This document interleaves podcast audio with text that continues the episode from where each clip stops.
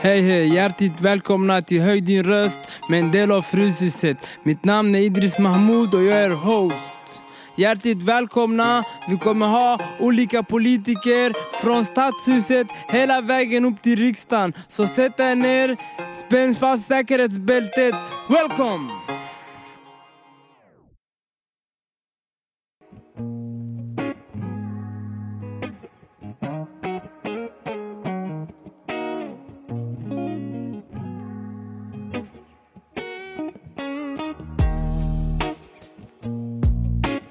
Hej hej, vår kära eh, vackra statsminister. Hallå!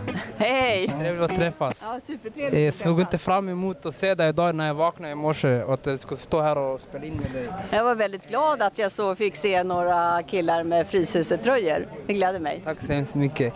Vi är här och försöker höja valdeltagande bland unga. Så Ja. vi är här i Malmö och har massa eh, partidebatter och ute på stan och får försöka folk att hitta ett parti som de kan förankra sig vid och etc. Så vad säger du till typ första gångs väljarna? Eh, gå och rösta. Det är det viktigaste. Två, rösta på Socialdemokraterna. Och eh, jättebra att ni är ute och försöker få så många som möjligt att rösta. Nu är det ju faktiskt, vi har ett krig i vårt närområde, Ukraina, där människor kämpar varje dag just för rätten att kunna rösta i fria och demokratiska val.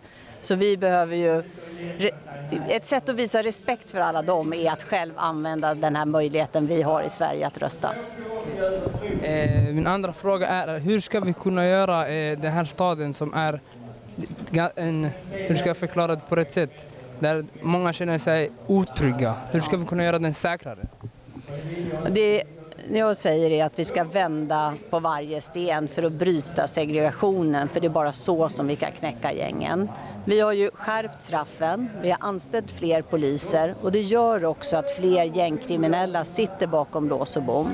Men det vi ser, och som polisen själva säger, det räcker inte. För när de gängkriminella sitter bakom lås och bom, då kommer nya generationer yngre killar in och tar deras plats. Och det enda sättet att verkligen gå till botten med problemet det är att bryta segregationen så att alla barn som växer upp i Sverige ser båda sina föräldrar gå till jobbet, lära sig, lärt sig svenska, får en lön och liksom är med och bidrar också, blir en del av, av vårt samhälle.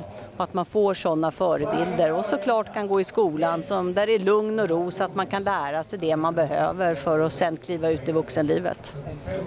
Eh, vi hade en förhandsvisning eh, eh, på en film på Pandora häromveckan som hade med lite själva gårdagens händelser att göra. Jag vill inte gå in specifikt på det där, men jag tänker mer på, du vet jag själv har haft ett dåligt förflutet och jag har haft LVU och etc. och jag har återhämtat mig. Men det har tagit mig lång tid och det har tagit jättelång tid att få mig att bara förstå och få ett sunt förnuft, du vet.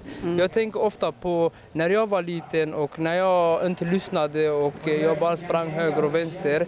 Men det fanns fina krafter som fångade upp mig. Jag kommer ihåg jag hade fritidsgården, jag hade familjebossen, jag hade massa olika instanser i samhället som var där för mig. Men idag känner jag i dagens samhälle där det, det finns inte så mycket reformer, det finns inte så mycket upplägg från kommunen eller myndigheten hur vi ska kunna bibehålla en fin skolgång där man kan känna att efter nian så kan man gå vidare i samhället. För jag kommer ihåg när jag inte gick ut grundskolan så kunde jag inte gå vidare.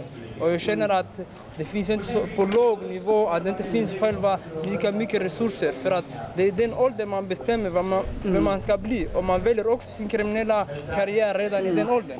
Så hur ska vi kunna, Sverige kunna samarbeta och, och kunna bibehålla en mer solidarisk sammanfogning så att vi skulle bli starkare igen?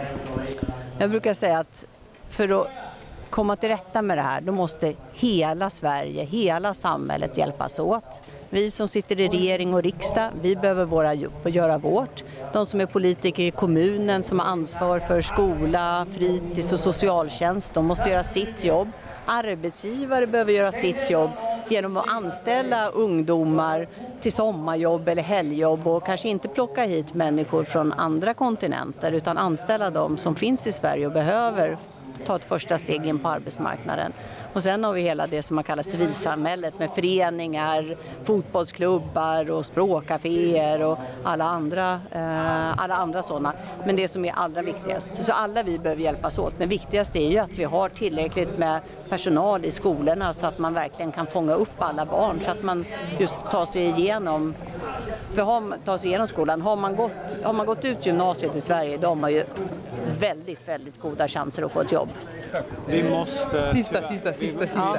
Eh, när du gick i skolan så fanns det 1 till 5 och efter det så kunde man gå vidare till att bli mekaniker. Borde inte det införskaffat att även om man misslyckats i, i gymnasiet så ska man kunna Ja. gå vidare i arbete? Ja, det, är ett, eh, alltså det nya betygssystemet är väldigt problematiskt att man har det här liksom icke godkänt som sen eh, liksom ja, gör det väldigt svårt för en och det är faktiskt vår skolminister har just börjat titta över hur man skulle kunna göra om det.